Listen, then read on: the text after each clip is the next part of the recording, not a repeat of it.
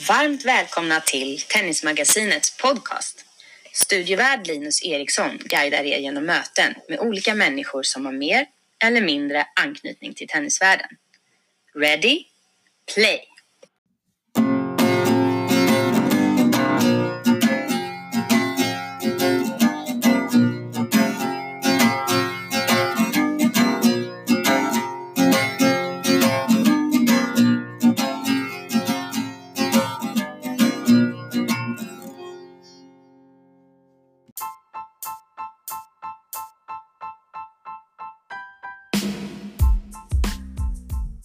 Välkomna till dagens avsnitt av Tennismagasinets podcast. Idag ska ni få träffa Magnus Maggo Tideman, född 63 och själv professionell tennisspelare förr i tiden. Han var rankad 76 i världen i singel och 43 i dubbel. Med andra ord en riktigt bra tennisspelare själv. Och efter det en framgångsrik coach. Bland annat arbetade han under många år med Thomas Johansson och var bland annat med under de fantastiska veckorna i Australien när Thomas gick och vann Australian Open. Hör honom berätta mer om det i avsnittet. Bland övriga coachuppdrag Magnus haft syns bland andra ett antal år hos det brittiska tennisförbundet, huvudcoach för Jeremy Chardy plus en massa andra spelare. Idag jobbar han med den moldaviska spelaren Rado Albot, för närvarande runt 80 plats i världen. I dagens avsnitt får ni höra Magnus berätta om bland annat hur nära det var att det inte blev något Australian Open 2002 för Thomas Johansson, hur Magnus håller koll på och scoutar konkurrenterna på touren, varför han tycker yngre tränare krånglar till övningar för mycket och vad han gör när hans spelare inte gör sitt bästa på banan. Det här avsnittet var superintressant och jag hoppas ni kommer tycka detsamma. Vi börjar med en faktaruta. Nu kör vi! Magnus Maggo Tideman.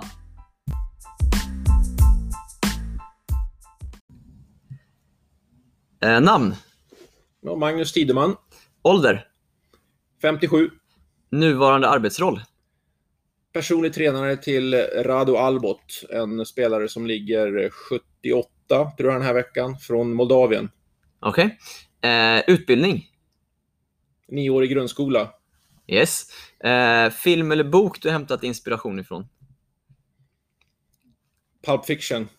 Okej, en klassiker. Nej, nej, nej, jag vet inte. Hämtat inspiration ifrån. Ja, det, nej, jag har väl hämtat från, eh, från min, mina tränare eller min, min, och min far lite grann och, och har lärt mig under vägens gång tror jag. Jag, inte, jag tror inte jag har någon bok eller någon film som jag har eh, Mm. hämtat några idéer från faktiskt. Då, då kommer vi in på nästa fråga direkt här, om du har någon förebild som du liksom har sett upp till genom åren? För mig är det ju Björn Borg. Alltså man, man spelar ju tennis för att Björn Borg var så bra, tror jag. Man, man, det blev liksom lite på tapeten att spela tennis. Så att, eh, förebild måste ju vara Björn Borg, eh, tror jag. Ja, ja. Okej Magnus, eh, välkommen till podcasten. Kul att du ville ta dig tid och vara med i det här. Tack så mycket. Eh, du, du var ju själv en spelare rankad topp 100 både singel och dubbel va? Ja, det var. Eh, idag är det kanske inte lika vanligt att spelare spelar både singel och dubbel längre. Eh, kan du reflektera lite över vilka för och nackdelar det finns med just att, vara, att spela dubbel också? Fördelen är väl att man lär sig lite andra slag, kanske lite mer volley, halvvolleys, reflexer och så. Eh, nackdelen är väl att man kan bli lite trött om man spelar Grand Slam och sådana stora matcher och håller på länge och sen vill man ha en vilodag och då kanske det blir en femsetsdubbel eller tresetsdubbel. Mm. Eh, Så det blir lite mycket för de här bästa spelarna, men det är många mittemellanspelare som, som spelar dubbel också. Hur, när du själv eh, liksom var aktiv, eh, vad, vad, vad fick du ut av dubbelspelet? Eller, eller om det var singelspelare du fokuserar på, det vet jag i och för sig inte. Jag började vara fokuserad på singeln, men, men jag var nog bättre dubbelspelare. Där låg jag runt 45, 40 till 80 kanske Ja, det var i lite fem, högre sex år. Ja, i, Mm. i singel var jag bara bra ett år. Så att i dubbel var jag lite bättre. Mm. Eh, eh, var lite för långsam för singel. Men dubbel är, och reflexerna var ju i och för sig bra, men, men, men eh, jag tyckte det var alltid roligt med dubbel. Spelade mycket dubbel som ung också. Ja, så det var en, liksom en självklarhet för dig att spela både och? Ja, du, då var det ju så nästan. Alla spelade både singel och dubbel på den tiden. orkade man mer då? Eller? Eller har det blivit tu- Ja, det tuffare, tennisen eller? är ju lite tuffare. Man, man, man slår ju hårdare, man springer fortare. Mm. Eh, Så att, eh, och mycket, allting är, är mer noggrant och, och, och så. Så att då var det lite mera dubbel vad man vilar, lite, lite slappare på så sätt. Så, att, så Ja. att det, det, var, det var lättare då. Hur, hur har liksom diskussionerna gått med spelarna du har coachat nu de senaste... Ja, du har varit aktiv som coach länge nu, men har ni pratat om just det här singel-dubbelspel och så vidare? Ja, när jag, jag coachade Thomas Johansson i 12 år. Han, han spelar ingen dubbel alls nästan. Bara på slutet spelade han lite bättre dubbel också. Han gick till faktiskt final i OS. Ja, exakt. Men, men, han spelar nästan aldrig dubbel eh, på ett tidigt skede, eller när han var aktiv högt upp i, i singelranking. Men, eh, och sen tränade jag Chardy, Mm. spelar också både singel och dubbel. Han Okej. spelar väldigt korta bollar och då blir, han spelar aldrig långa matcher. Okej, så då orkade man dubbel också? Ja, och spelar man så offensivt som han gjorde Mm. och chansar så mycket så blir det inte så där långt. Nu har jag en, en kille, Rado, som spelar både singel och dubbel. Mest singel, men om han går in i dubbel, han är väldigt duktig i dubbel, Ja. men, men han går inte in för dubbel alls, utan om han går in och det passar bra den veckan så, så, så spelar vi dubbel. Men är det så att han till exempel kvalar i veckan efter, Mm. då, då ställer- vi inte upp i dubbel, för då hinner man inte om man går till semi. Då, då missar man. Så allting är singel för honom, men- men, han spelar gärna dubbel. Men Han har- tränar ni dubbel också? Nej, Nej, Nej, det är fokus på singel Ja, liksom. han, han har varit semi i US Open för två år sedan i dubbel, så att han, han är duktig i dubbel. Servar inte så bra, men, men eh, har man lite spelsinne så, så, så singelspelarna är ju duktiga i dubbel när de, när de Ja. väl spelar. De är bra tennisspelare, Ja, då ja. kommer man långt på det. Ja. Eh, Efter din spelarkarriär, Magnus, så hur, kan du berätta lite hur, hur din väg in i coachrollen liksom gick till? ja, det kan jag göra. Jag, jag, jag var ju på väg neråt kan jag säga. Jag blev sämre och det blir ju det är ju dyr sport om man inte spelar bra. Och då, då ringde faktiskt eh, Villander ville ha lite hjälp på sin första comeback. Okej. Eh, Vi är kompisar så länge och då, då åkte jag med eh, kompis slash coach kan man väl säga på hans Ja. första comeback när han hade spelat lite gitarr och sådär. Ja. Så var, då jobbade jag med honom ett, ett halvår faktiskt, eh, lite grann. Och gick väl lite så väldigt bra. Men, men eh, jag fick lite, eh, lite blodad tand för det här jobbet. Plus att jag har alltid hjälpt juniorerna hemma på klubben och tränat dem, när jag, även när jag var aktiv. Jag tyckte det är alltid kul att, träna juniorer. Okej. Så att eh, det blev rätt. Och sen ringde Thomas Eklund från Svenska Tennisförbundet och frågade om jag ville åka till Orange Bowl Mm. med eh, två juniorer, Magnus Norman och Thomas Johansson. Jag visste inte vilka de var. Jag träffade dem på Arlanda då, så Okej. de var 15 och 16 då. Ja. Och då var det en stor tävling i Florida i december som gick. Det var ju, på den tiden var Orange Bowl liksom nästan det största Ja. man kunde spela. Eh, och sen så jobbade jag med, med Magnus och med Thomas i tre år genom förbundet. Ja. Eh, tills de blev väl, de var ju 60-70 i världen. Mm. Eh, så slutade vi och sen jobbade jag privat med Thomas åtta år till efter det. Okej. Så, så jag kom in egentligen för att Villander, Ja. men det kändes, det kändes rätt så rätt och jag tyckte det var kul. Och, Ja. Tycker man inte det är kul att resa och, och, och, och hjälpa så ska man nog inte hålla på med det här jobbet. Nej. Och det är samma, man ska nog vara alltid den andra, liksom, man ska vara bakom spelarna hela tiden. Många bra, bra spelare har svårt att bli coacher för att de vill ju vara i rampljuset själva. Ja. Jag tror att en coach måste ju alltid ta steget bakom. Okej. Så att, eh, Men tycker jag i alla fall. Just det, menar du liksom eh, för media och så? För, för eller allt liksom... i media, och man måste sätta sin spelare i, i, i liksom första rummet hela tiden. Däremot så om vi åker transportation så tar jag alltid framsätet eftersom jag är äldre. Och där går ju en gräns. Va? Men, men, men eh, jag tror att man måste stötta. Och sen måste man ju också vara hård på Mm. vissa, vissa lägen. Och det är, det är en svår, det är en svår eh, läge man har. Man är, ju, man är ju sponsrad, eller spelarna betalar Mm. och man ska vara liksom lite chef. Mm. Det är ju inte så vanligt i sport att, att, att spelarna betalar Mm. sin, den som ska bestämma. Alltså att det, det. det är en jätteskum situation. Det är lättare i hockey och fotboll där, när man är betald av klubben. Ja. Så kan man ju kicka spelarna eller stänga av. eller Någonting. Men, men det här är ju det är en svår situation. Men hur, eh, hur mycket, om du går till dig själv då, under de här åren, hur mycket har du liksom ändå vågat stå på dig med dina åsikter? Även om spelarna inte håller med då? Vem bestämmer i slutändan?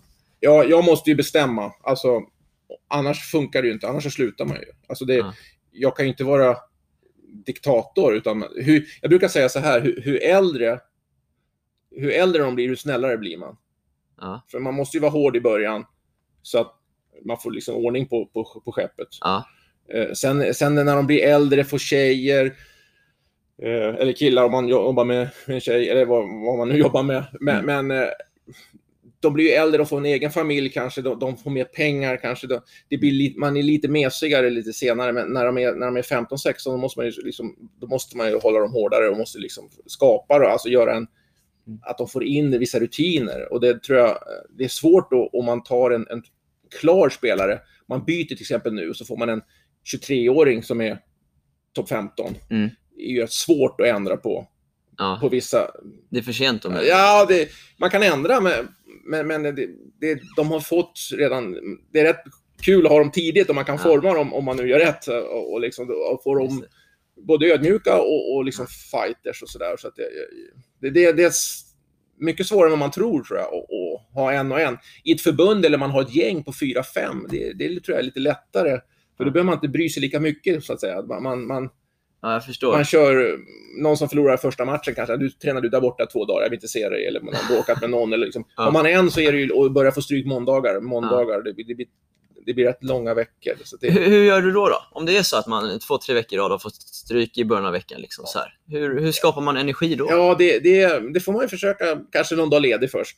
Ja. Bara för att rensa tankarna. Och sen, sen, brukar, sen brukar jag köra jättehårt, kanske första två dagarna, tisdag, onsdag. Ja. För sen liksom trappa ner lite grann. Mm. Eh, och så, man får ju prata, man får ju peppa.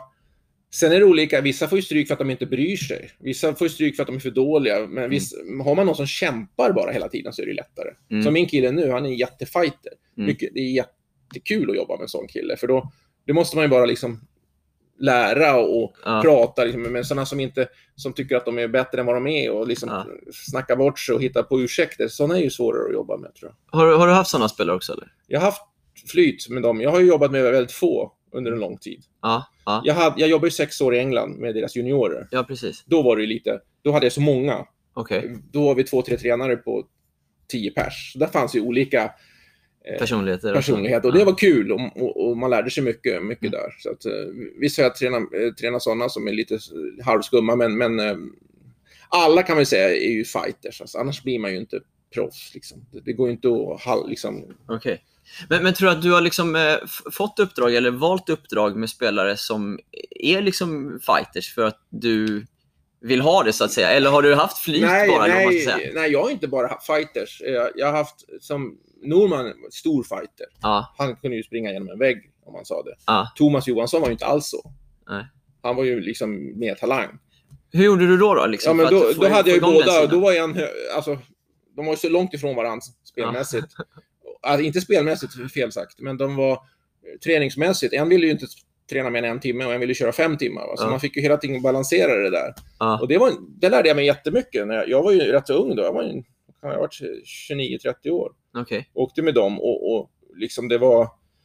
Thomas var lite bättre, men inte mycket bättre. Men, men det var ju liksom hela tiden... Magnus sprang en mil om han fick stryka en match Just det. liksom, liksom ville få ut så här och då visste man kanske ska springa fem kilometer istället. Liksom. Var, Ja. och, och Thomas kanske ska springa någon gång i veckan. Ja, just det. Just det. Thomas löparskor var ju alltid rena, Ja, ja. för att han sprang aldrig. Men försökte du få, du som ledare då, försökte du få Thomas att närma sig Magnus Absolut. stil lite grann eller? Och jag, vill, jag ville ju att Magnus också skulle kanske slappna av lite mer Ja, just det. och inte sätta så hög press på sig själv. Och, så att Ja. det gäller att, alltså, så åt båda hållen. Ja, ja, Och det är ju det är en balansgång det där. just det.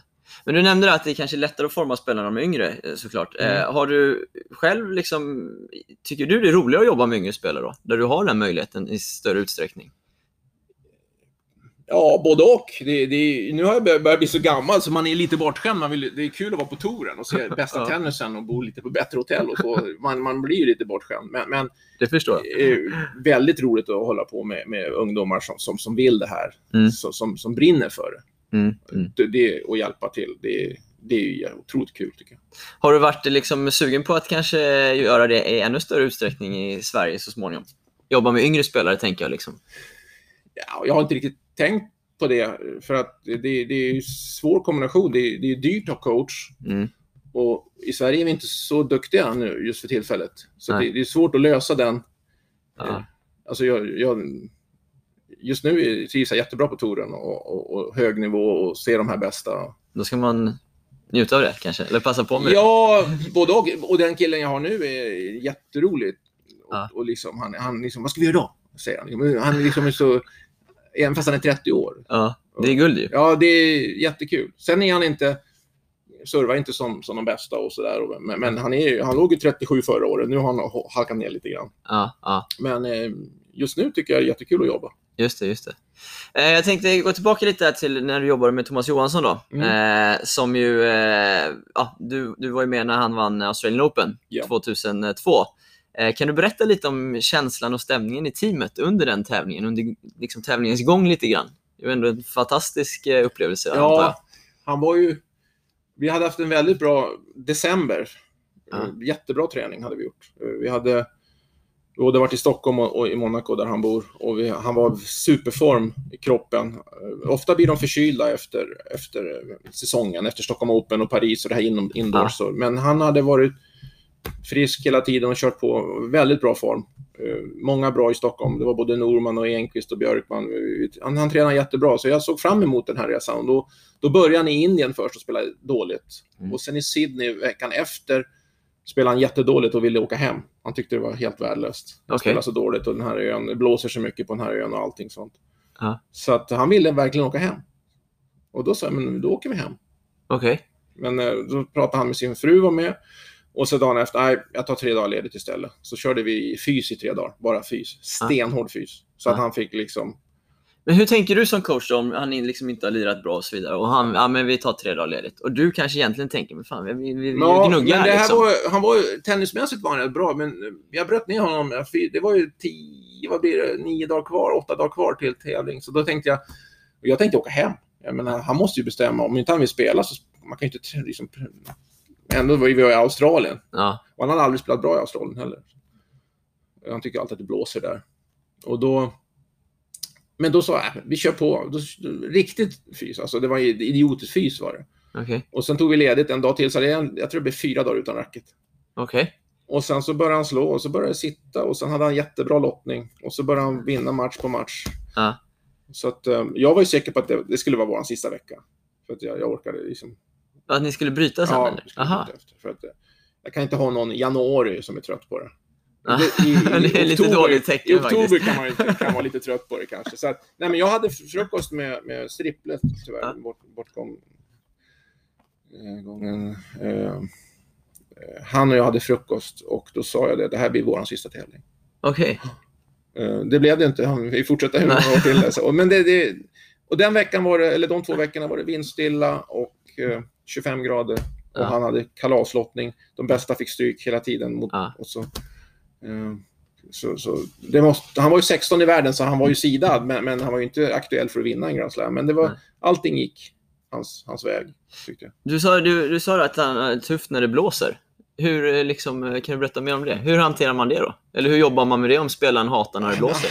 Ja, det är svårt. Han, han, han, har väl egentligen slag som skulle kunna slå igenom vinden, men han, han eh, spelar med rätt små marginaler. Mm. Och, och eh, då är det vinden lite svårare. Då. Spelar man lite grann eh, säkert och tungt så är ju... Mm. Som Söderling hade ju... Nu kastade han upp bollen till månen när han servade i och för sig, men, men, det är ju lättare när man spelar med mer marginaler tror jag. Thomas chansade mer än, Okej. Men var det sånt ni pratade då inför liksom, Ja, inte sådana att, han hade, eller? inte att han hade problem med det, men, men vi sa ju liksom att eh, hur han ska spela. Han ska slå sin, han hade ju en av världens bästa raka backar. Den fick han ju försöka sätta en halv meter innanför då istället för på linjen. Ja, ja, Så att, eh, men, eh, men det är också lite, det där är också mentalt. Det är inte bara hur sitt spel är, utan vissa klarar ju inte av att förlora en boll på grund av vinden. Då bryter de ju samman en del. Mm. Och en del är bara ta det. Så Mm. han hade väl lite svårt kanske han skulle ha vunnit den, fast vinden tog den ungefär så. Så att vissa är bara gå vidare. Va? Så det, det, det är så man pratar, man ska vara positiv. Man ska utnyttja och säga att vind är bra för mig ungefär. Ja. ja. Är det så du försöker vara med dina spelare? Alltså Ja. positivt, ta fram de bitarna? Ja, det måste man göra. Och man ska aldrig liksom som coach säga gud vilka dåliga banor eller vad det blåser eller vad kallt det är. Men ibland måste du också känna så? Ja, det är klart jag känner så, men du får inte säga så. Du får ju liksom ljuga till dina spelare. Mm. Mm. När det gäller den biten. Du kan inte ljuga annars, men du måste ju... Det här är bra för dig. Ja, ja. Du måste, liksom, du, du måste ju få in i skallen. Okej. Dåliga banor? Nej, det här är perfekta banor för dig. Ja. Det är så man måste jobba lite grann. Ja. Finns det situationer där det kan också vara rätt att vara mer rak med att nej men fan det här är skit, men nu måste vi göra det bästa av det? Eller? Ja. För jag tänker, sp- spelaren ser också vad den Ja, ser. de är inte dumma. Jag menar, Nej. nu har jag en 30-åring här, jag kan inte hålla på. Nej, jag, men, Ljuga, jag, jag ljuga, tänker lite ja, så att... här- så att men, men eh, de lär sig, man lär sig hur, hur de är. Liksom. Så, men just när de är 15-16 så kan man ju mera liksom, ljuga på. Eller man kan, med fysträning kan man köra, nu, nu kör du två runder till fast de har kramp. Liksom. Man kan ju liksom pressa dem Ja, eller lura dem. ja exakt. exakt.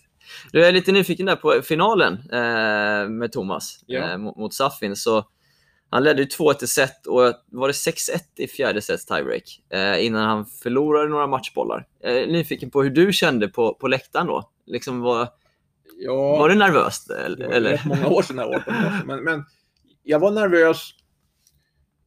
Jag var nervös i början, lite grann. Thomas var aldrig nervös i början på matcherna. Sådär. Eh, han var mer nervös om den första omgången på banan 17 mot en kvalare som han ska slå. Då var han lite nervös. Men här, här var han, men han kanske, lite, han började lite dåligt, så han kanske också var lite nervös i början. Men sen, sen var han så, det var så bra match. Han spelade så bra hela tiden. Och så från 6-1 kommer jag ihåg att han missade någon, några två riktigt dåliga bollar. Och Ja. även matchbollen om man ser den nu, den är ju bedrövligt dålig. Ja, ja, jag såg det igår innan vi Ja, skulle han, träffas. han gör ju en dålig stoppboll och en dålig... Det liksom, och, och sen så... Safin har en helt given lobb som han missar så här mycket. Lång. Thomas ser inte den. Jag sitter på baslinjen, så jag ser att den är lång. Ja. Den är så här säger jag det i radio, men, men den är två, Ja. två centimeter ut. Eh, han var nog skitnervös där i slutet. Ja. Det, det blir man. Den som inte säger att man är nervös i sådana här lägen är ju... Men det gäller att hantera nervositeten. Det är, det är ju samma... Alla är nervösa på olika sätt. Och, Ja. och, och Federer är skitnervös. Mm. Och folk tror inte det, men de tar hand om den, de bearbetar den och, och visar inte den. Mm. Men när det står fyra lika, 40 lika i, i ett set, det finns ingen som spelar mellan benen då, eller chans. Liksom, ja, Kyrgios kanske, för han är extrem, han vet kanske inte vad det står. Men, men, men eh, man, man blir nervös i, i tennis, eller i sport överhuvudtaget. Men Om, du, om din spelare blir eh, om, liksom nervös i vissa situationer, eller du, du vet om att spelaren blir nervös Ja. i vissa lägen, hur, hur jobbar du med det med din spelare då? Eh, vi pratar om det och, och jag tror att det första läget är att de erkänner att de är nervösa. Mm. Många spelare genom åren har, har jag liksom träffat på att nej, jag var aldrig nervös, säger de.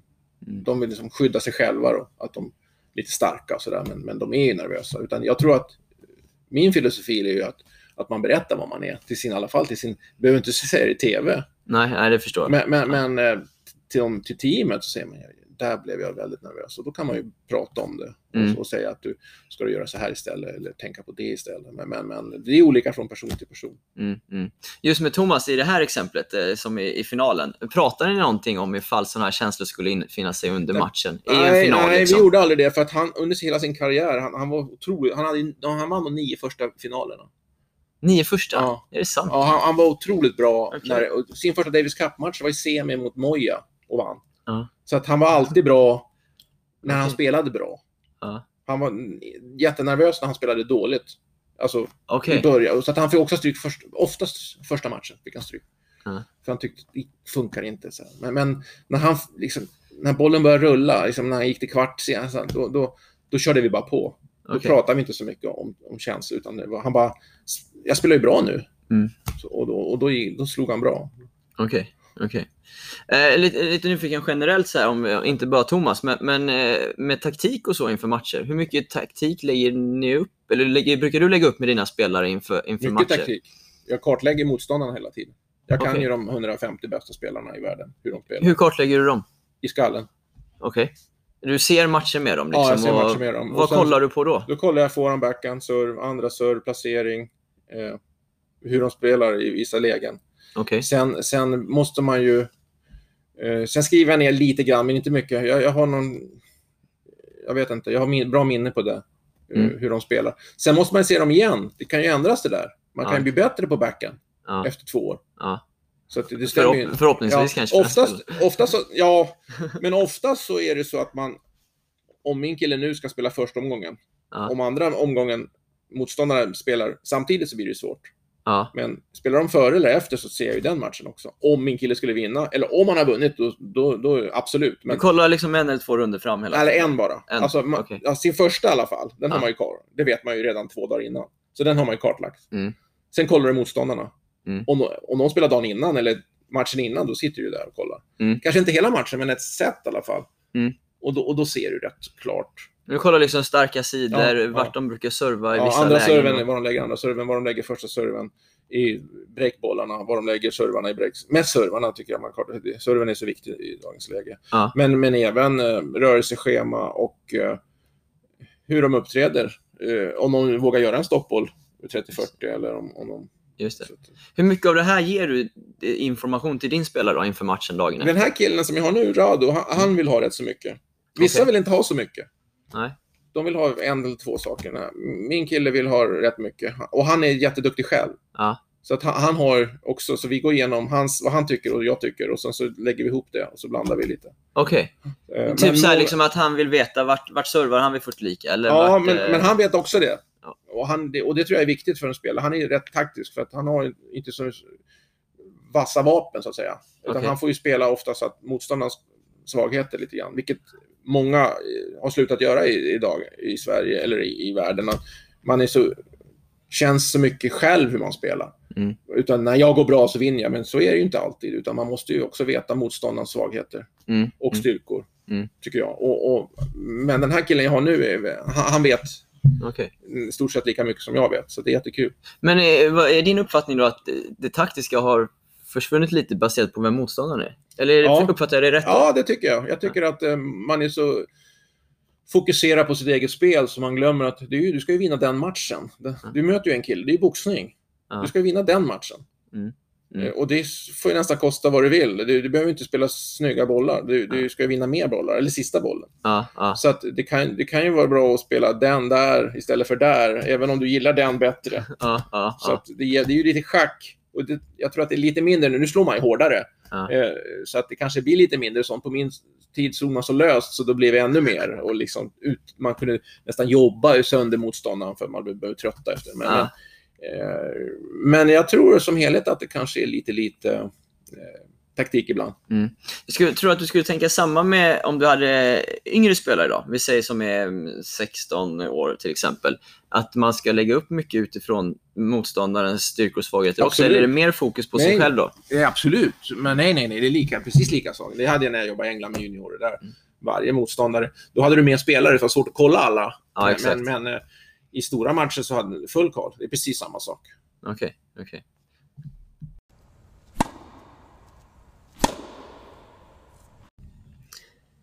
Du har ju coachat spelare från liksom, eh, ja, men, olika länder, olika åldrar, eh, olika kulturer, allt möjligt. så här. Eh, hur mycket anpassar man sin coachstil och, och filosofi beroende på vilken spelare du, du har just nu? Mycket.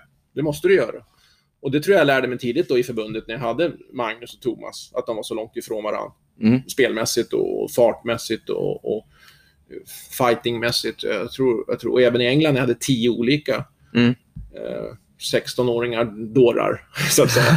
Och då tror jag att man, man lär sig mycket. Eh, Evans till exempel, som är toppspelare nu, han, han var liksom han ville ju inte träna måndagar när han var trött. Då hade han varit liksom festat över hel under helgen. Och så här. Då fick man anpassa sig lite grann. Ja. Och så stänga av några månader och komma tillbaka. Och så, här. så hade du Edmund som också är världsspelare nu. Ja. Han tränar ju liksom hela tiden. Så, att, Okej. så att jag tror att du måste anpassa dig lite grann, men du måste också ha dina egna regler att köra. Men det är väldigt olika personer du tränar. Så du, du, måste, du kan inte bara köra ditt race, tror jag. Det. Så tror jag i alla fall. Du måste veta vem du har och lära känna och sen kör du därifrån. Okej. Men, men som, om man bara tar kort det exempel du gav nu, så om någon varit ute på helgen och inte vill träna måndagar. Eh, Liksom, eh, kan man stå på sig där också bara, men du får faktiskt bli professionell här? Ja, Eller? Fast, ja, det kan man göra. Det gjorde vi ju. Vi, vi liksom, till slut, liksom, I början så sa han att tandläkaren måndagar och sen var det banken måndagar. Han bodde i Birmingham, så han, han kom Ja. inte med. Och då, till slut lär du förstår ju att han ljuger ju. Så, att, så att då, då är det avstängning. Vad, vad kan man, eller du behöver inte komma tillbaks. Ja. Och så ville han, ja men han ville komma tillbaks. Eh, och så- och då provar man igen och sådär. Så, så, så att, ehm, Okej. det var några bakslag där under, det var ju ändå sex år, men Mm. han var ute och festade under junior Wimbledon till exempel, när han spelade dubbel. Han var fortfarande kvar i dubbel och ute och festade. Okej, okej. Eh, Det är ju inte, inte så bra kanske. Nej, kan- kanske inte. Nej. Men har du vissa stand, eller standards eh, som man liksom, ja, men det här är mina värderingar, det här Det kommer jag inte rucka på liksom. Nej, men det är klart. Alltså, ut, ut, ut, och, ut och festa till 2 2.30 innan kvartsfinalen dubbel i Wimbledon, junior Wimbledon. Ja. Det går ju inte. Så, så att, då, då flög han en sex månader tror jag. Att, eh, men men sen också, som jag säger, man, man är snällare hur äldre de blir och hur bättre de blir. Ja. Så när de är 16 år måste man vara hårdare. Ja. Då släcker, släck lampan ungefär. Det kan jag ju inte säga till en kille nu som är gift och har barn. Nej, Liksom-. Och de vet ju det, att de kan ju inte slarva. Nej. Min kille nu, han, han, han äter ju perfekt och sover perfekt. Liksom, Okej, dricker aldrig utan röker inga. Alltså det, det, ja, jag förstår. och, och, och vill han göra det så, så kommer han ju tappa. Så det, han är, de är inte dumma. Nej. Eh, Din kille nu då, han från Moldavien. Ja. Eh, Jag kan tänka mig att det ändå finns vissa, vissa kulturskillnader mot till exempel Thomas Johansson från Sverige eller och så vidare. Eh, Eller jag, vet- jag vet inte, men hur hanterar man sådana bitar som sitter liksom mer djupt rotade kanske? Ja, det är ju ett väldigt Sovjetland så att säga. Ja, Så vi, vi, vi, han, han- pratar ju ryska och rumänska. Det ligger mitt emellan där. Det är Europas Okej. fattigaste land. okej. Har du varit där mycket Jag har varit där en gång. Okej. Eh, intressant. Ja. Eh, men men eh, Men ni tränar inte där? Liksom? nej, han har ingen, hans pappa är topp 10 nästan. Så dålig. Det finns ingen som spelar tennis nästan i Moldavien. Okej. Det- Så att han, han vi, vi, vi tränar på touren så att säga. Ja. Också, så- han har kommit hit någon gång, men vi åker lite tidigare till tävlingarna. Så tränar vi där och så spelar han rätt många tävlingar. Okej. För hemma är det mest vila och fys. Okej. Okej. Är det inte jobbigt att inte ha någon bas då, eller? Alltså någon träningsbas? För oss, det är också en rätt intressant grej. Jag tycker att tävling är, ska ju vara basen. Det har blivit så fina akademier runt om i världen nu, så man har basen, man är hell, hell, hellre hemma sex veckor och tävlar två. Det Mm. borde ju vara tvärtom. Man Mm. borde tä- tävla sex veckor och så kanske vila eh, fem dagar och sen träna och sen ut igen. Utan nu är det, folk har blivit lata och coacherna lata. Man vill ju inte spela mer än två veckor, för då kan man komma hem om de får stryka andra matchen andra veckan. Då är man hemma på tio dagar, Mm. Mm. eller en vecka. Du måste ut i skiten, som Labbe säger. Du måste spela. Ja. Spela svenska på Futurerna nu. Vad, vad är svenskarna? Ja. ja, jag har också tänkt på det faktiskt. det är dyrt, absolut. Men då kanske man ska göra något annat. Just det, Om man inte har råd att tävla. Man kan ju inte ha råd att vara, vara hemma bara. Nej, just det. Just det. Så ni, liksom, ni, ni åker till tävlingarna och tränar där lite Han spelar, före och lite 30, efter? han spelar 30 tävlingar om året ungefär. Okej. okej. Och sen så, så tränar vi... No, I december tränar vi någonstans. Mm. Och nu var vi i Tyskland innan vi åkte till US Open. Eh, 10 dagar. Eh, nej, f- 13 dagar. Okej. Så att han, han eh, tränar inte hemma så mycket, utan bara kör, kör fysen där. Men, men som sagt, eh, om vi går till juniorer så kan inte de resa 30 veckor kanske. Men, men, men jag tycker ändå att man kan nog eh, börja... Man ska nog tävla lite mer. Ja, ja. Eh, Bara för att jag blev nyfiken nu. Du säger att det liksom inte finns så mycket tennisspelare i Moldavien. Hur, hur kom han fram när han var yngre? Har du någon koll på det eller? Ja, hans pappa såg tennis på TV. Okej. faktiskt. Och sen så började de köra lite grann och sen så, det fanns tennis, eller finns Ja. tennis, men, men ingen proffs och sådär. Rumänien är däremot ett rätt bra tennisland. Ja. Och det är ju väg, de snackar rumänska och han har rumänsk pass. Hans Ja. mormor var rumänska. Så att han åkte mycket in till Rumänien och tävlade när han var ung. Okej. Spelade mycket Futures, satelliter hette det då också på den Ja. tiden när han var ung. eh, Och bodde i bilen med farsan. Och Okej, spelade den hårda vägen. Ja, spelade åtta veckor i rad sa han. Fick stryk och visste att han aldrig kunde gå till kvartsfinal för de, var- de var för bra. Okej. Så han Okej. bara körde på. Och jag, jag tycker att ja, det, det, det är han liksom. Han är skön. Han, han, han kämpar. Ja. Och jag tror att många har, inte har det för bra, det ska jag inte säga, men, men, men man måste tävla. Ja. Man måste få en ranking. Måste liksom, Ligger man kan ute. inte bara träna. Ja, just det. Är, vi, är svenska juniorer för bortskämda idag eller? Nej, det tror jag över, hela världen är bortskämda. Mm. Faktiskt. Och, och just nu har vi ju ingen riktig, riktig stjärna. Bröderna Ymer är ju duktiga. Men Mm. det skulle vara kul om de tog ett steg till eller någon annan kom också. Att man, det var så, för oss var det så mycket enklare. Man hade Borg och sen kom liksom Wilander Edberg. Man tyckte de var ju bättre men, men inte så bra. Och man, de, vi hjälpte varandra. Ja, Just nu är det sådana steg. Just det. Vi har två killar som är, som är bra ja. på rankingen och sen så liksom, ja. Sen är det lite tomt. Ja. lite. Men har du bra Du följer ju svenska spelarna Jag del, försöker eller? följa svenska spelarna, men det är ju inte så många som spelar. Nej, nej. Tjejerna är ju lite bättre, men det är vi ju i de flesta sporter. Tjejer är ju bättre än killar i Sverige, i nästan alla sporter. Vad tror du det beror på då? Jag vet inte. Jag får frågan varje dag när jag är på touren vad är det som har hänt med svensk tennis, men jag vet inte. Ja, för det var min nästa fråga, här, eller jag har den uppskriven här. Hur, hur pratas det om svensk tennis liksom där ute? Eller Inte vad är ryktet just In, nu? inte så mycket.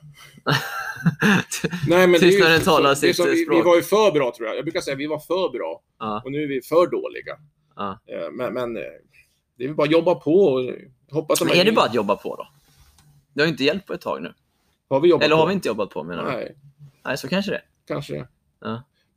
lever man tennis, bor man på hallarna, Mm. man måste ju bo där. Man måste ju spela hela tiden när det är Mm. banan ledig. Mm. Det är en svår sport. Är din uppfattning att det var mer så förr Det eller? var lättare. Man hade inte så mycket att göra. Man cyklade till tennisen, till klubben och så var man där, hade, läste läxorna och så spelade man när det var tid, tidig ledighet. Man gör inte så länge. Så att jag tror att vi spelar lite för lite. Ja, ja.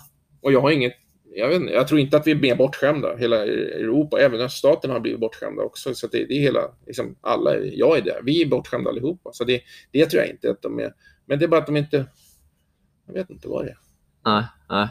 Eh, du, du jobbade ju på LTA i många år, till exempel, Ja. det brittiska förbundet. Eh, hur var känslan där då? Var det samma upp, har du samma uppfattning med det? Att liksom, Där är det lite annorlunda. De, de, de har ju inga klubbar riktigt. De vill inte ha juniorer på sina klubbar. De vill ha rika som betalar årsavgiften och så dricka te. ja, mer country club, Ja. medlemsklubbar? Ja. Där har ju Wimbledon genererar ju så mycket pengar så att vi tog tio killar och Ja. körde skiten ur dem i, i, i, som i sex år. Okej. Vi bara fyllde Tio på varje år. Tio, de tio bästa killarna? eller? De tio vi trodde på ungefär. ja, ja. Och, och som orkade träna. Vi körde ju s- fem, sex timmar om dagen. Alltså vi, vi, vi var ju dag, vi var lite... Om jag går tillbaka så kanske vi körde lite för hårt. För Okej. En kille vann US Open junior och slutade. En kille var i semi Wimbledon, semi Australian Open, vann Wimbledon dubbel och slutade. Ja. Så jag tror kanske vi, om, om man ser i backspegeln, kanske vi pressar dem lite för mycket. Okej. Men vi fick... Tror du att de hade blivit så bra annars då? Ja, ja, vi siktade inte på att de skulle bli bra juniorer, vi siktade på att de skulle bli bra seniorer och det Mm. blev de ju inte. Så, Okej. att, så att om du vinner junior Wimbledon behöver ju inte bli Nej. bra. Men Edmund och de var inte med i Jo då, gänget, eller? de var med i Ja. gänget. De blev ju de bra. blev ändå bra ju. det- Det får man ju ja, säga. Vi fick ju fram två världsstjärnor av tio, vilket är fantastiskt bra. Ja. Alltså, Ja, det är det ju verkligen. Ja, ja. Och England. England har ju jättebra nu med, Murray och dragit upp den. Där hade de ju Murray som, som, bild och sådär. Och de har ju pengarna bakom sig. Men, men just nu igen, under, underifrån kommer det inte lika mycket igen. Men Det går ju etapper där. Men vi hade jättekul med de här killarna. Men som Ja. sagt, eh, några blev 220, 230, Ja. eh, 250. Skulle man kunna göra ett sånt race i Sverige, eller? Som ni gjorde där? Eh, vi hade väldigt bra, vi hade, vi hade liksom fystränare, vi hade, vi hade banorna vi ville, vi hade tränare som vi ville, Ja. vi hade massörer, vi hade resor eh, runt om i världen hur mycket vi ville. Eh, väldigt stora, alltså Wimbledon betalade bra med pengar. Ja. Så jag tror vi måste ha en jättesponsor som tar över. Och, och, eh, man måste börja, de var ju rätt så bra redan vid 14-15, så de var i Europa liksom, de var rätt så bra innan. Så Ja. det, det går, men jag tror att det, det... Sen är det många nu som inte vill släppa sina spelare i Sverige. Man har sin spelare och sen nästa steg vill de behålla spelarna, fast Mm. de liksom kanske inte kan någonting. Mm, mm. Och det, inte bara i Sverige, men där är vi bra i England, utan de, de, de släppte spelarna till oss. Okej. Men jag tror att nu för tiden så, så tror man att sin spelare ska bli tvåa i världen och så ska man leva jävligt bra. Men då är det det svenska klubbsystemet lite grann som behöver, eh, eller eh, prestigen behöver försvinna lite grann då, eller att man kan släppa vidare. Jag vet inte, vi har ju ingen bra, så jag vet ju inte om, om det är så. Men, men Mm. jag tror att det är så att man inte riktigt vill att någon annan ska titta på ett slag fast de inte har vunnit en match. Liksom, det, kanske, just det. jag vet inte. Det, Ja, jag är med. Eh, när, när, du sa att liksom, de spelarna ni fick där i England, att de var bra redan när de var 14-15 de var hyfsade, ja. I, I Sverige min uppfattning, säga vad du tycker, men att man ibland pratar om att man behöver inte vara så bra när man är ung. Man kan komma ikapp senare och ja, vi ska ha med väldigt många och så vidare. Tror, tror du att vi, vi behöver satsa lite mer i tidigare åldrar ändå, eller? För att hänga med internationellt? Ja, det tror jag. Sen, sen tror jag man ska, inte ska säga att du inte ska spela fotboll eller hockey. Jag tror att det är väldigt bra olika sporter, men du måste nog köra, börja köra på när man är 13, 14, 15. Alltså. Mm. När, om kroppen håller. Sen om du är jättesmal och vuxit mycket så ska du göra mindre. Det, det där måste ju en tränare se, vad man, vad det, vilken kropp de har och Mm. vilken, vilken skalle de har. Men, men eh, barn vill ju träna rätt så hårt Mm. Mm. om, du liksom, om, de, om de ser resultat. Ja, Det ja, tror jag. Och tävla. Barn vill ju träna.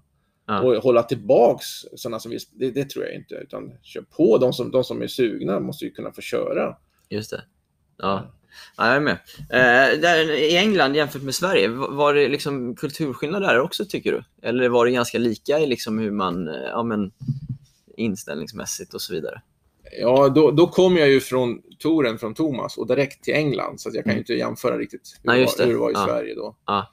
Eh, Men din uppfattning sådär? Ja, det, är väl rätt lika. Det tror jag. De, det är ju en vä- väldigt skillnad om man får en massa miljoner från Wimbledon Ja. ner i, i, i, ett förbund som kan liksom göra jättemycket med. Vi åkte fem killar till grus i februari till Sydamerika liksom. Med, Ja. med, med en fystränare och två coacher och fem, sex killar. ja, det är otroligt. Det är ju en väldigt dyr resa. Ja, ja. Får de fram tillräckligt mycket bra England då, med tanke på den ekonomin de har? De har ju, det kan man ju säga att de inte fick. Det var därför de anställde mig och, en belgisk coach eh, och en annan svensk, Martin Bohm, som bor i Holland. Eh, Mm. De, eh, de var lite panik för att de var inte med i juniorsammanhang alls. Mm. Och sen så var i vårt bästa år i junior i US Open, då hade vi tre engelsmän i, i semi Just det. av fyra. Ja, det är otroligt. Ja, så, men men England fick man inte säga britten. Varför? Det var och Skottland och Nordirland är ju, ingår i det. Så jag sa ju England i början, men jag måste ju säga Great Britain. Annars fick man skit en av våra killar var walesare. Han var ju tokig när jag sa England. Men man, man gjorde ju så. Man Ja. sa ju fel. Det gjorde vi med. Men eh, Great Britain. Okej, ja. Men eh, nej, så det gick, ju, det gick ju bra till slut där. Men som sagt, några slutade, de vi trodde på mest nästan. Så det, var, det var lite jobbigt. Okej, okej. Och då kanske man, kanske vi pressar för mycket. Ja, just det, just det. Lätt att vara efterklok kanske. Ja. Eh, du har jobbat runt ja, 30 år till och från på touren, om jag har räknat rätt ungefär. Eh, vad skulle du säga att du ser för skillnader hos både spelare kanske och även coacher idag jämfört med när du började? Har det ändrats någonting? Ja, det har ändrats rätt så mycket. Det är väl lite mera coacher nu. Det har blivit lite mer prispengar så att man, då kanske man delar lite mer. En coach hade två spelare kanske lite grann i början. Mm. Sen har det kommit mera fystränare in. Mm. Eh, Både för och nackdelar, tycker Okej, berätta mer. jag. Eh, Fördelen är att, att coachen, man är utbildad med, med, med, med balans och kropp och sådär lite mera, eller mycket mera än vad en coach är. Mm. Eh, eh, nackdelen tycker jag att de kan vara lite mer, mer proppar ibland. Att eh, det är inte bra att köra ett varv till här för att han har mjölksyra och sånt där. Jag tror att de är lite mer, och de vill vara lite kompisar med spelarna. De vill inte liksom pressa. Ah. Så att ibland eh, tycker jag de är lite, och, och sen har jag sett också att de börjar lägga sig in i tennisen, Mm. fystränarna, som är helt off på tennis kanske. Men Okej. de är som tycker att det börjar rotera mera och börja snacka om eh, Ja, så ja. att där tror jag kan vara lite konflikt. Jag har inte haft något problem med, med mina... eh, Min kille har en fystränare ibland, men, men eh, man är förundrad ibland. För de vill ju gärna vara, vara coacher också. Just det. Så att, eh, men men eh, vissa de är ju mycket bättre utbildade, så att det, det är ju bra också. Så jag ska inte säga att det men, Nej. men ibland kan det vara lite mesproppsvarning, tycker jag. Ja. Hur, hur mycket dialog och samarbete har du med den fyscoachen? Du sa att ni samarbetar med. jättemycket. jättemycket.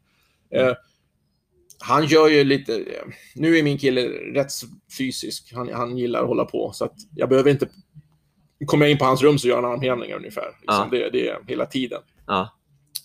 Men, men eh, även om du inte reser så kan man ju skicka program och sånt där. Så att, och, och jag tar ju del i det och jag pratar och sådär. Så att, eh, det är som i team. Du, du måste ju gilla din fystränare i teamet, annars funkar det inte riktigt. För du går ju ut och käkar och så. Du, du, Mm. och, Mm. och, Men vi säger då, vi leker med tanken att du inte skulle tycka att det funkar med, med liksom någon, eh, säger vi fystränaren i ett team så här.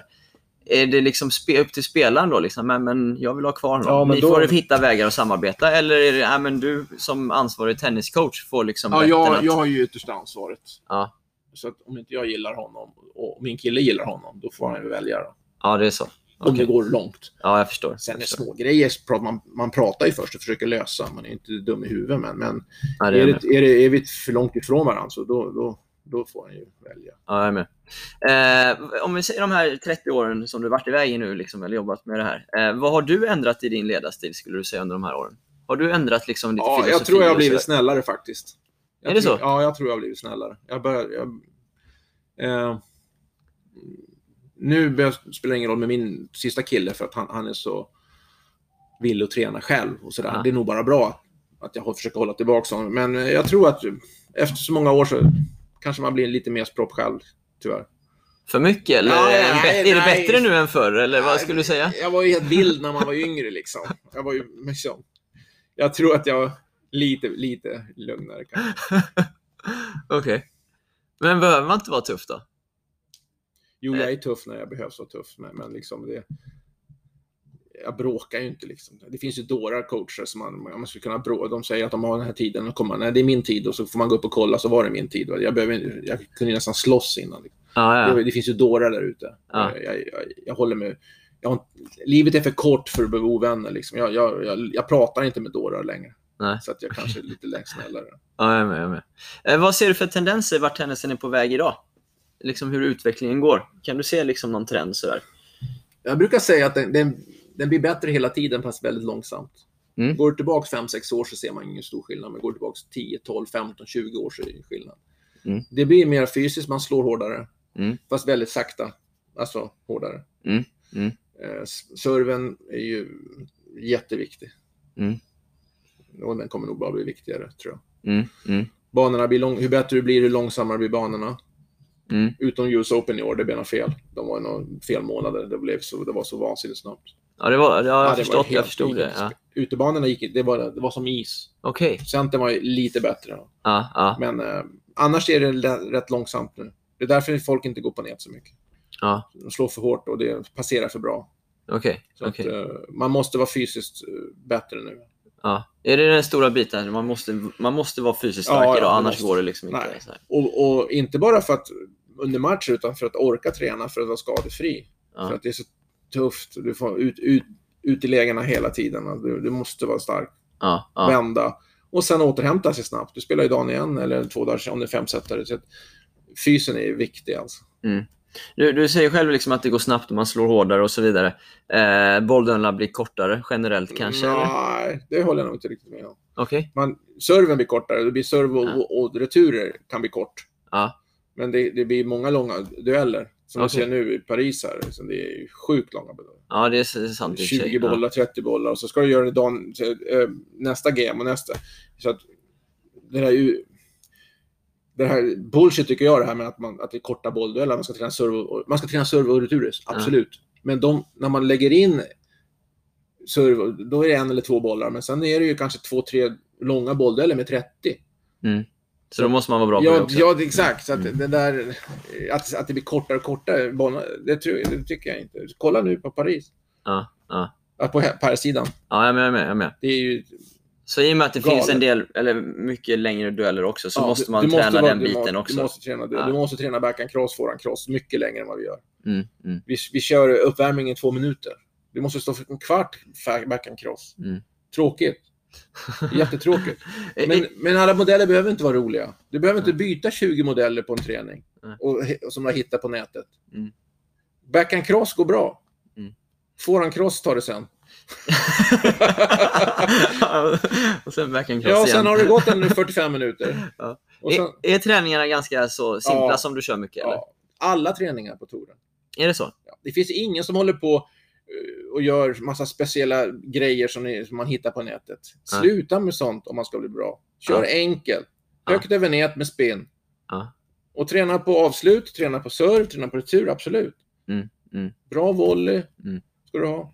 Men alltså du måste ju våga slå backhand cross, forehand cross när det står 4 lika, 40 lika.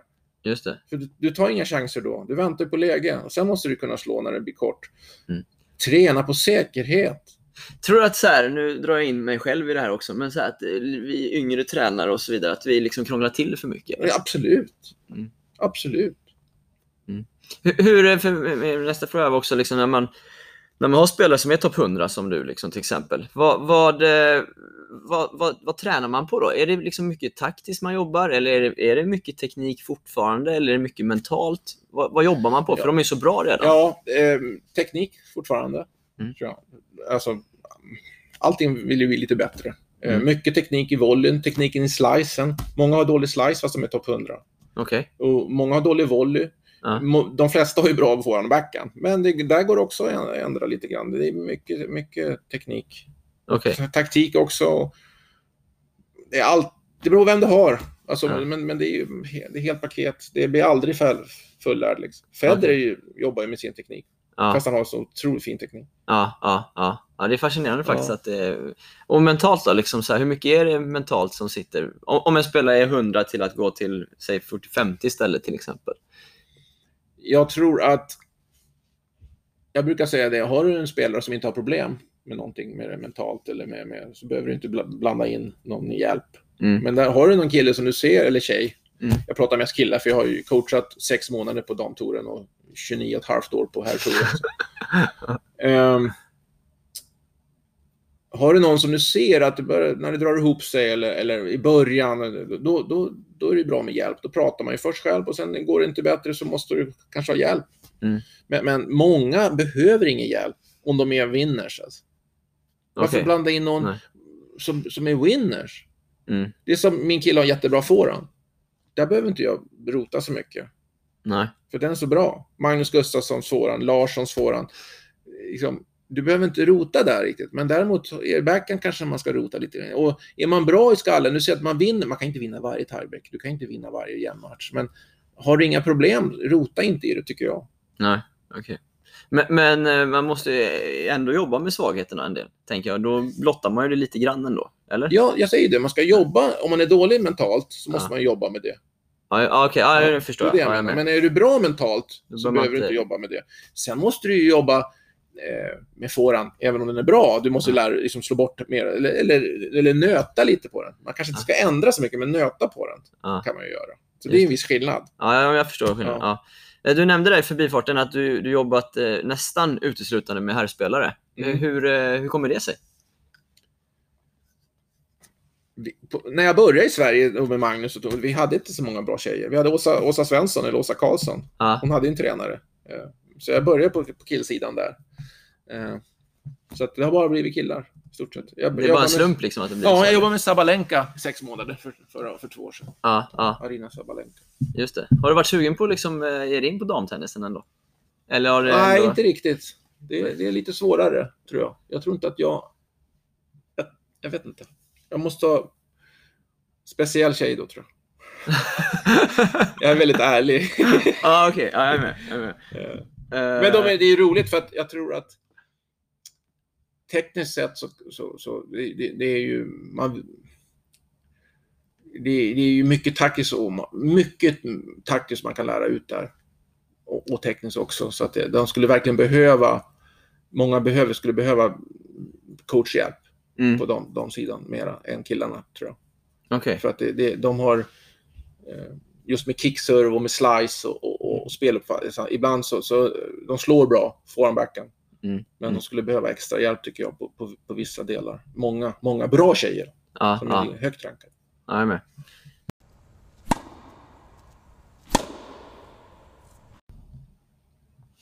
Vad eh, skulle du säga är din uppfattning att vad skiljer spelare åt som tar sig långt jämfört med spelare som kanske liksom inte lyckas ta sig in på topp 100 eller förbi challenge-nivån och så vidare? Vad skiljer de som blir riktigt bra från de som inte når riktigt hela vägen? Antingen är man så pass bra i tennis så man, man, liksom, man går dit för att man är bra. Mm. Vilket det finns många som har kalasserve eller så här. Så, snackar vi talang då eller? Ja, det är talang. Alltså man, man är kanske 2,02 har en bra serve. Så Mm. liksom, men, men, eh, men ofta är det ju skallen. Den som orkar, den som är ute, den som kör, den Mm. som vägrar förlorar brukar jag säga.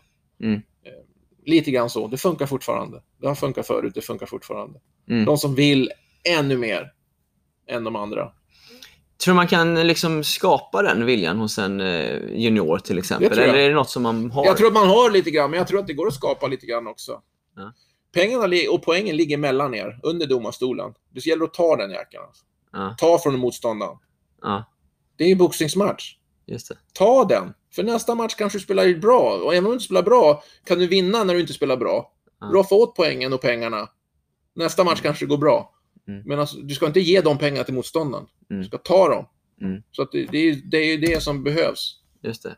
Och den här viljan kanske man bygger av att ligga ute mycket, som du har varit inne på Ja. till exempel. Eller om man inte har det bra kanske he- hemma. Man vill, tycker det är roligare ute. Ja. Man kanske har det för bra. Jag vet inte. Men, men det är många som har jättemycket pengar i familjen som kämpar som dårar. Så det, jag tror inte att det bara har med hur man är uppväxt och sådär. Utan det är i skallen. Man, man, det är ju en schack. Alltså, du ska vinna. Ja, ja.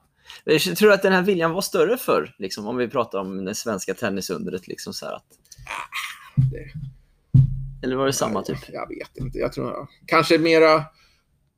Jag vet faktiskt inte. Jag, jag tror att på, på våran tid, jag brukar säga det i skolan, de som, de som var med i skollaget i alla sporter, de, de gick på tennis. Mm.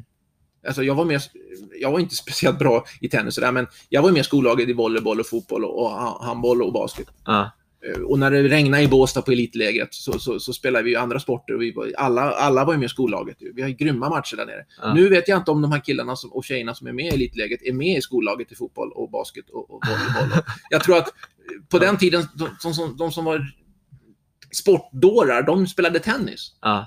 Och jag tror inte man väljer tennis först längre. Så att redan från början kanske det är lite sämre, inte kvalitet, men, men jag tror att eh, tennisen var så stor. Alla liksom, tennis liksom. Mm. Nu är det väl innebandy före och fotboll och hockey och, och sen liksom blir Ja. det tennis. Och jag tror att det var lätt, ja, det var så. Alltså. Det, det var, Ja, jag är med. Jag är med. Eh, vad skulle du säga, liksom, du har ju redan svarat på det lite, men, men för att nå liksom, långt, om vi tänker rent spelmässigt på här sidan då kanske framförallt, så här, vilka är de viktigaste egenskaperna för att ta sig långt? Om man, om man pratar om vad man ska jobba med spelarna. Liksom. Är det, du pratar om fysiken till exempel.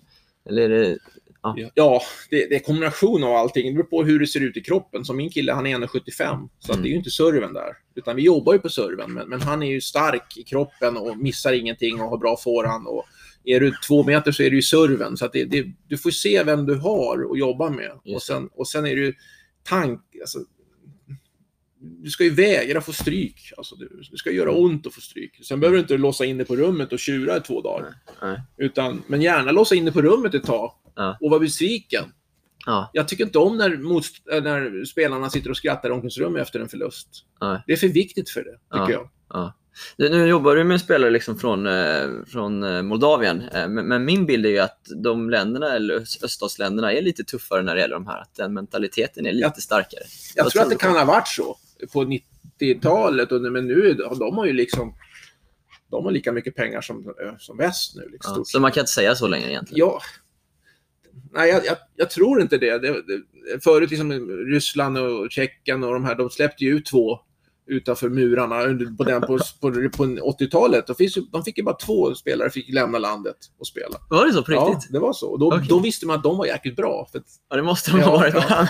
men, men nu är det ju öppet och, och, och det finns ju samma problem där. Vissa som är bortskämda, lata och duktiga och sådär. Så att jag tror inte att det, det känns inte... Däremot Korea och Kina kan det vara lite annorlunda. Där kan man ju forma lite mer att nu ska Just du träna åtta timmar. Man ser det i golfen. Mm. Tjejerna helst, de kan ju, koreanska tjejer, de, de står ju och tränar tio timmar om dagen. Ja. Och, de, och de säger till att de ska göra det. Och de Ja. är ju, jag tror det är fem på topp 10-listan från Korea. Ja, det är helt brutalt. Det. Ja, eh, Okej Magnus, vi, vi kommer gå in på lite frågor som jag ställer till alla gästerna på slutet. Eh, vad är det senaste du ändrade uppfattning om? Behöver inte bara vara tennis heller kanske.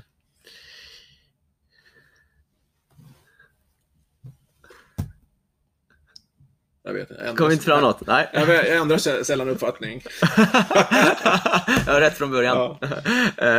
Eh, hur utvecklar du dig själv idag som tränare? Jag lyssnar. Mm. Eh, mycket. Eh, jag pratar mycket med Thomas Johansson.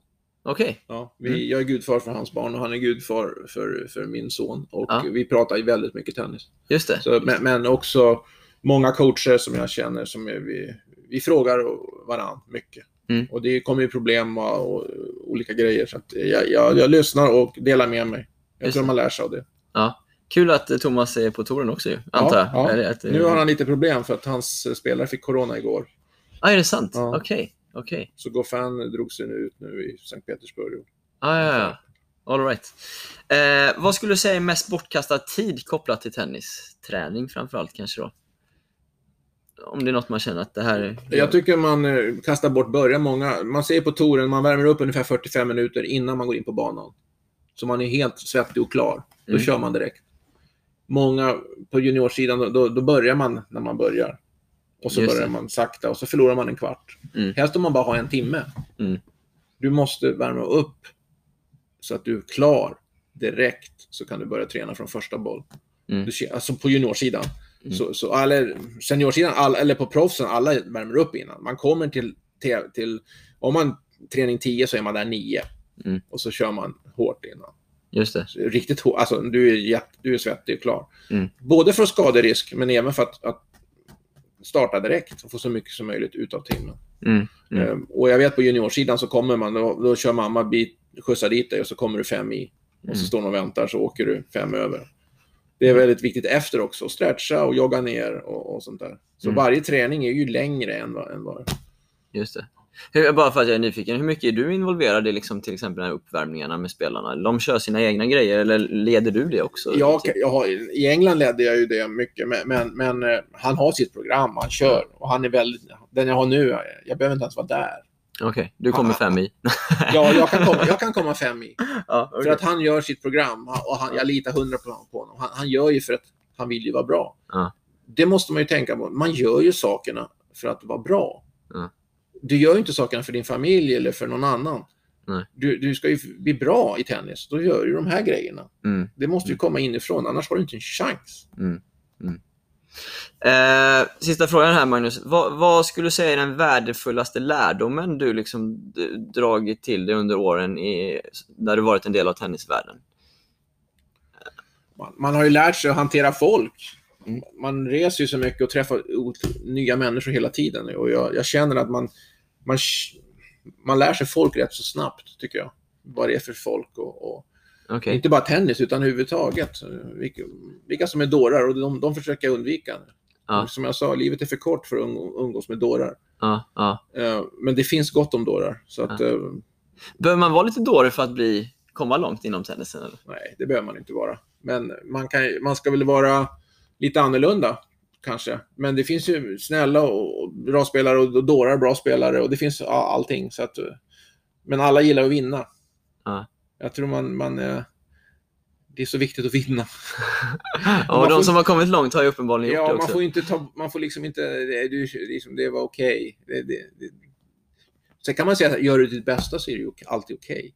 Det Mm. kan man ju aldrig ta bort. Du Nej. kan ju aldrig vara arg som tränare på en, en spelare som gör sitt yttersta och får stryk. Ja, Det, det, det finns ju inte på kartan. Men däremot, gör de inte sin yttersta och Mm. får stryk, eller vinner, Mm. så är jag ju tokig. Mm. Men du måste ju hela tiden, de få timmar du är inne på banan måste du ge 100%. ja, Sen kan ja, du ju göra, gå till sandlådan efter, det spelar ingen roll. Ja, Men om du ska bli bra i tennis, de tiden du är på banan, så är det ju, då är det ju krig alltså. just det, just det. Så tycker jag, utan att fuska. Men alltså det, det, och det är många som ja, vill vara lite coola på banan och liksom titta för mycket på Kyrgios och sånt där. Liksom Mm. det, det går. Alltså det, Om du är tränare till en spelare som du tycker liksom beter sig så på en match till exempel, där Oj. du känner det här, det här var inte 100%. Hur, hur, gör, hur oj, hanterar oj, du det då? Oj. Då, då, då har vi en jättediskussion efter. Okej, Jättediskussion. ja, ja, Och, och det hände med Thomas några gånger. okej. Han var inte liksom tillfreds med något. Nej. Men, men eh, det får inte hända för många gånger. Alltså. Men när du sitter på läktaren i en match, så här, liksom, eh, fortsätter du ändå pusha på och försöka Nej, få jag- eller går du jag, därifrån? Jag, jag, eller? jag har gått ifrån någon gång. Eh, Men eh, inte ofta. I England gick jag ifrån lite grann, men, men eh, aldrig någon, om det är någon som vänder sig mot mig och säger någonting nedvärderande, då går jag ju direkt. Men det, det händer aldrig, för då får de inte vara kvar eller jag är inte kvar. Det, det, det går inte. Jag kan inte resa från min familj och, och, få, och bli förnedrad av min spelare. Det Mm. kommer aldrig hända. Mm. Det, där går ju gränsen. Mm. Det är många som gör det. Mm, ja, man ser ju som det tar någon det. gång. Ja. Det, det, det finns inte på kartan. Det, det, det tar jag inte. Men däremot eh, uppför de sig illa eller, eller liksom inte kämpar så, så pratar man ju om det och händer det för många gånger så, så är det ju, det, det, det, är ju det, då, det är svårt att jobba så. Så jag har svårt att jobba med någon som inte ger sitt bästa hela tiden. Mm, mm. Jag bara kom på en grej till här, liksom när vi var inne på det i början av samtalet, men eh, gläd, glädje som efter till exempel Australian Open-titeln med Thomas. Eh, sen finns det ju besvikelser när man som coach också säkert är besviken efter förluster bara av att man förlorar. Det kan ha varit en bra insats och så vidare. Hur hanterar du liksom de upp och nedgångarna som ändå är i det här yrket? Det, för dig själv liksom? Så. Ja, man ska säga så här, en, en gång hade han matchboll mot Philip Pussis i kvartsfinal i US Open en gång. Ja. och, och serva. Och missa serven så här mycket. Och sen Filip Pussi slår en forehand på linjen och han får stryk i tiebreak i femte. Klockan halv två på natten. Det är Ja. ju tungt alltså. Och vara fruktansvärt ja, tungt. åka in och det är ingenting är öppet, ta McDonalds, eh, gå in på rummet och deppa. Så att, fördelen med tennis är att det är veck, nästa vecka är en ny tävling. Ja. Är det 100 meter eh, OS-final och gör tjuvstart två gånger så får du vänta fyra år. Ja, den är tuff. Den är tuffare. Ja, ja tuffare. Ja, Ja, eller simning, du har VM och Mm. OS och du har tre, fyra, eh, två per år kanske viktiga lopp. Ja. Här har du ju fyra Grand Slam per år. Ja. Och sen har du ju stora tävlingar hela tiden. Så att man får försöka, man måste glömma. Men, men det, det, det, man, är ju, man, är ju läs, man är ju besviken. Va? För jag tänker, du som coach är ändå den som kanske har ansvaret för att dra upp energin dagen efter igen. Eller? Ja, och det roliga är att de flesta är ju okej dagen efter. Ja, okej. Ja. De är proffs på det där alltså. Ja. De, de, de, man kanske inte tränar fyra timmar dagen efter, men man, man kanske har en lång frukost. Och så, så kör man han och, han och jag och vi kör lite någon teknik på eftermiddagen. Jag menar, de, de, de är proffs.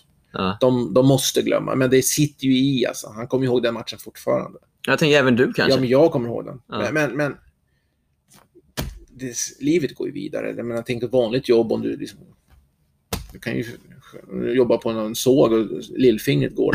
Det är värre. Det här är ju bara, det här är bara en sport. Då. Men, men, men eh, liksom, Jo, jo. det är upp och ner. Ja. Det, är det, som är roligt, det är som är roligt också Mest kanske. ner. Bertil Rosberg sa, hur går det? Upp och ner, mest ner. Ja, jag med. Eh, Magnus, eh, det har varit lärorikt för mig framförallt, Ja, tror jag. okej, cool. Eh, tack så jättemycket för att du tog dig tid. Det var kul att vara här. Tack så mycket.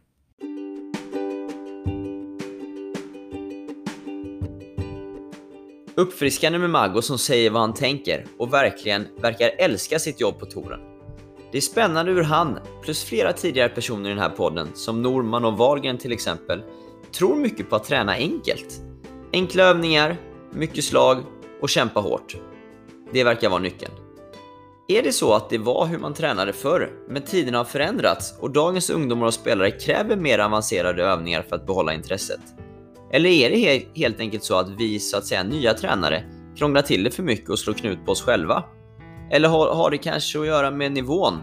Att eh, när man är riktigt, riktigt bra, då kan man träna lite mer basic? Jag vet inte. Vi kommer återkomma till det ämnet. Var så säkra. Eh, tack för att ni lyssnade och jag kan lova fortsatt kanonavsnitt de kommande veckorna. Så håll utkik. Om ni gillar vad ni hör, berätta gärna om avsnittet för era vänner samt lämna, några eh, lämna gärna en kommentar och ett betyg om Tennismagasinets podcast där ni lyssnar. Det hjälper att sprida podden vidare. Glöm inte heller att följa antingen magasinet eller mig på Instagram så att ni inte missar de här korta videosnuttarna som jag börjat lägga upp inför varje nytt avsnitt av podden där gästen får svara på fem snabba frågor. Jag tror det kan bli rätt kul, så bomma inte det. Ha det gott, vi hörs om sex dagar igen. Hej hej! Glöm nu inte att prenumerera och följa podcasten på plattformen du använder så du inte missar något avsnitt. Svenska Tennismagasinet är landets ledande magasin om tennis och belyser såväl internationell som svensk tennis på alla nivåer. Tidningen utkommer med sex utgåvor per år. Vill ni veta mer? Surfa in på www.tennismagasinet.se. Vill ni komma i kontakt med mig? Maila mig på linus.eriksson tennismagasinet.se. Det är alltid kul med feedback. Vi hörs i nästa avsnitt.